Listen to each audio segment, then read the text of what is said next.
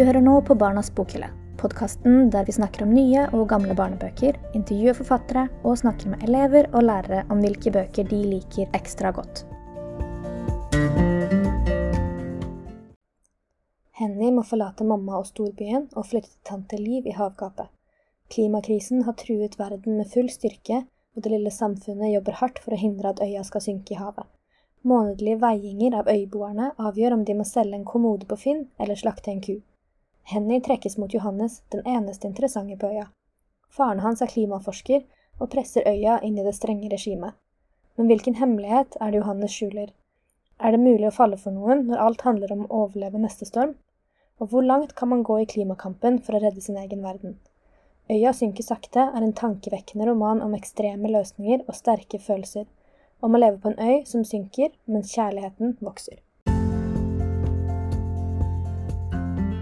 I denne episoden av Barnas bokhylle skal vi snakke med Sanne Mathiassen om boka hun har utgitt. Og kanskje vi kan få noen tips og forslag til hva man skal gjøre hvis man er ungdom, kjenner at man er skikkelig forelska, men ikke vet helt hva man skal gjøre med det, samtidig som man er opptatt av klimaendringer, vennskap og rett og slett å bare være ungdom i en verden som endrer seg hver eneste dag. Kan du fortelle litt om deg selv? Ja, mitt navn er Sanne Mathiassen. Jeg er snart 38 år. Jeg er forfatter på fulltid og har to barn. Og bor eh, litt utenfor Oslo på en plass som heter Lier. Har du eh, vært forfatter hele ditt voksne liv, eller er det noe du har gjort nå nylig? Nei, da jeg ga ut min tredje bok i 2019, så fant jeg ut at jeg ville prøve å satse litt på å skrive og så var jeg så heldig at jeg fikk ett års skrivestipend året etterpå av uh, Norsk barnebok, uh, nei, av jo, Norsk barne- og ungdomsbokforfatterforening, NBU. Um, så da fikk jeg oppleve hvordan det var å være forfatter på fulltid. Og når du først liksom har gått over på det, så har, har man ikke så lyst til å gå tilbake og jobbe som vikar i barnehage eller ja. Nei, det skjønner jeg veldig godt. Hvordan kom du på ideen om Øya synker sakte? Det starta egentlig med at um, jeg hadde lyst til å skrive en kjærlighetshistorie. Uh, men så visste jeg at uh, det var ikke nok at det bare var en kjærlighetshistorie. Det måtte være et eller annet som sto på spill i tillegg. Så hadde jeg veldig lyst til å skrive sci-fi, egentlig. Um, og så tenkte jeg veldig mye på ideer og hvordan jeg kunne få det til å bli en sci-fi-historie. Og så fant jeg på en idé som jeg syntes var helt genial, og så viste det seg at det var Ready Player One jeg hadde funnet på, så det kunne jeg ikke skrive. Uh, for Ready Player One er jo en bok allerede som er gjort om til film, som er ganske populær. Og så, og så um, begynte jeg å tenke på uh, Så skrev jeg en novelle uh, til en novellekonkurranse som jeg ikke kom med i, heldigvis, på en måte, fordi at da fant jeg ut at da kunne jeg kanskje bruke den videre. Og for den handla om et kjæreste, eller to stykker som møttes på en øy Eh, og den øya holdt på å gå under. Eh, og så begynte jeg å gjøre research på eh, Eller jeg begynte å snakke med folk om, om hvordan det var med hus i Nord-Norge som allerede nå i sånn som i dag, altså, og alltid over lengre tid har vært festa fast i bakken, altså ankra fast med kjetting for at jeg ikke skal fly av gårde. Og så begynte jeg å tenke veldig mye på hvordan vil det være i framtida når vind øker og naturkatastrofene blir mer og mer nærmere og nærmere. Kanskje vi må ankre fast alle hus, kanskje vi må bolte fast alle vinduer. Kanskje vi må til slutt leve i et samfunn der um, alt er ankra fast. Så det var det det begynte med, og så spant det litt videre. Det var det som var veldig interessant. Da, for at når jeg da skulle begynne å skrive den boka, så hadde jeg veldig lyst til å gjøre masse research, for det har jeg ellers aldri gjort. For jeg skriver veldig intuitivt. Jeg skriver ikke basert på research.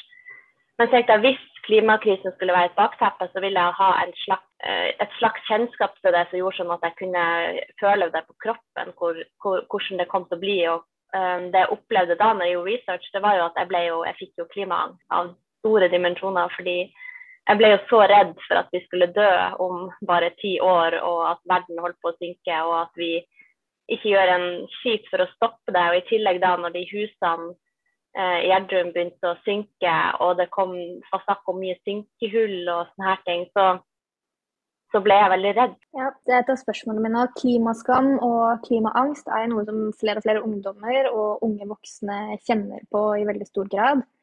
Mm. Og boka di toucher jo innpå da klimaendringer og alt dette her. Hvordan tenker du at den kan påvirke, i hvor stor grad da, unge har klimaskam og klimaangst?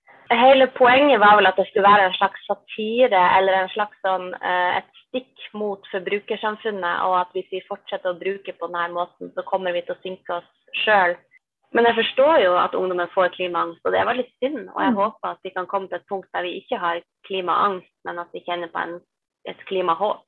Så, så, jeg håper på en måte at det kan være en inspirasjon, sånn som henne, som er en veldig sterk eh, klimaforkjemper og som jobber i en, eller eh, er med i en motstandsorganisasjon. Så jeg håper at hun kan være en inspirasjon til å ikke gi opp. Samtidig som at det er jo de voksne som må gjøre noe.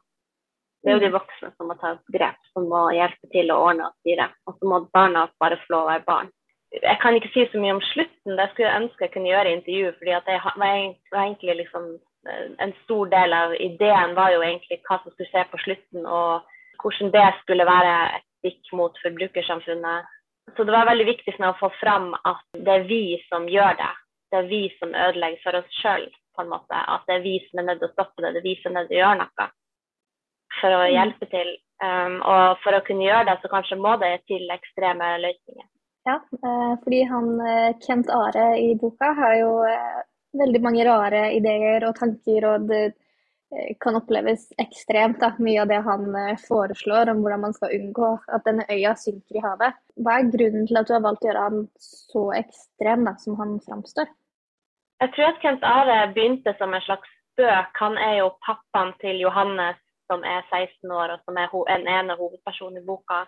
Uh, han var klimaforsker før, og nå har han gått over til å være styreleder på øya. Og med den makta har han begynt å lage et lite uh, nordkoreansk regime på øya, litt diktatur, uh, fordi at han vil det aller beste for beboerne på øya. Det er bare 80 stykker som bor der. Men han har nok litt for ekstreme løsninger. Eh, han har bl.a. forbudt at det ikke er lov å ha gressklippere, for at man skal ikke klippe gresset, for det er ikke bra for miljøet. Og man har ikke lov til å ha biler, så de er parkert i en bunkers på andre siden av øya. Og han driver og henter vann i havet som han heller ut i sluket oppe på huset sitt som selvfølgelig ikke har noe for seg, fordi at den vannet kommer jo bare ut igjen. Men i hans eh, hode så er, det, er han nødt til å bare gjøre noe. Um, du var jo så vidt inne på det også, at uh, boka Du vil jo skrive en kjærlighetshistorie. Uh, og det er jo et lite kjærlighetsdrama i uh, 'Øya synker sakte'. Hva er ditt råd til ungdommer som føler seg håpløst forelska, og det er helt altoppslukende, og de vet ikke hvordan de skal gå fram? Ja, um, altså det, det, som kommer fram i boka, er jo at kommunikasjon er essensielt, fordi man opplever jeg har skrevet fra to vinkler. Fra Henny sin vinkel, som er 16 år og som kommer fra byen og som flytter til øya. Og fra Johannes sin vinkel, som er 16 år og som bor på øya. Og så møtes de to. Og så får man se hvor, hvordan de opplever møtene seg imellom veldig forskjellig. Eh, fordi at ofte så tar man utgangspunkt i seg sjøl og antar at den andre tenker sånn og sånn, uten at man tør egentlig å spørre direkte eller får noen konkrete svar, du bare antar at det er sånn det er. Så, så hvis du er håpløst forelska, så er den beste måten å bare gå all in og spørre, eller være litt tøff og ha litt bein i nesa og faktisk eh, spørre om personen vil eh, er interessert i deg eller vil eh, gå på kino med deg. Fordi det er ganske vondt å få et nei, men det er bedre det enn å gå og være håpløst forelska i noen som aldri kommer til å ha lyst på deg. Det er en veldig grusom følelse. Så får man et nei, så kan det heller være vondt en liten periode, og så går man videre. Og hvis man lukker den døra, så er det så mye enklere å gå videre til neste person. For det er mange der ute. Mm. I samfunnet i dag, og kanskje spesielt på sosiale medier, men eh, også på en måte i nyhetsbildet, så ser vi ofte at um, Hva liker du best med boka selv? Mm, og jeg, liker Johannes. Um, fordi Johannes er en veldig usikker person. Han har veldig mye angst. Han har veldig mange krisetanker. Og jeg tror at jeg, uh, jeg er jeg er egentlig mer som henne til vanlig, men akkurat under koronaen så følte jeg meg litt som Johannes. Og så var det veldig fint å skrive ut alle de krisetankene og alle de vanskelige tingene som jeg følte via han, eh, som et slags utløp. da. Jeg kjente meg til slutt mest igjen i Kent Are, som begynte som bare en spøk, og han skulle bare være en morsom karakter. Og så til slutt så utvikla han seg til å være en, en viktig karakter for meg, som, som, var den som kanskje var ekstrem og litt bikka over i, slags, i, et slags galskap. Men som jeg også kunne tenke meg at det kanskje fantes noen som Kent Are i den virkelige verden som, som var villig til å gå såpass langt for å redde, redde verden vår. Mm. Tusen takk for et veldig hyggelig og informativt intervju, Sanne. Tusen takk. Vi snakkes.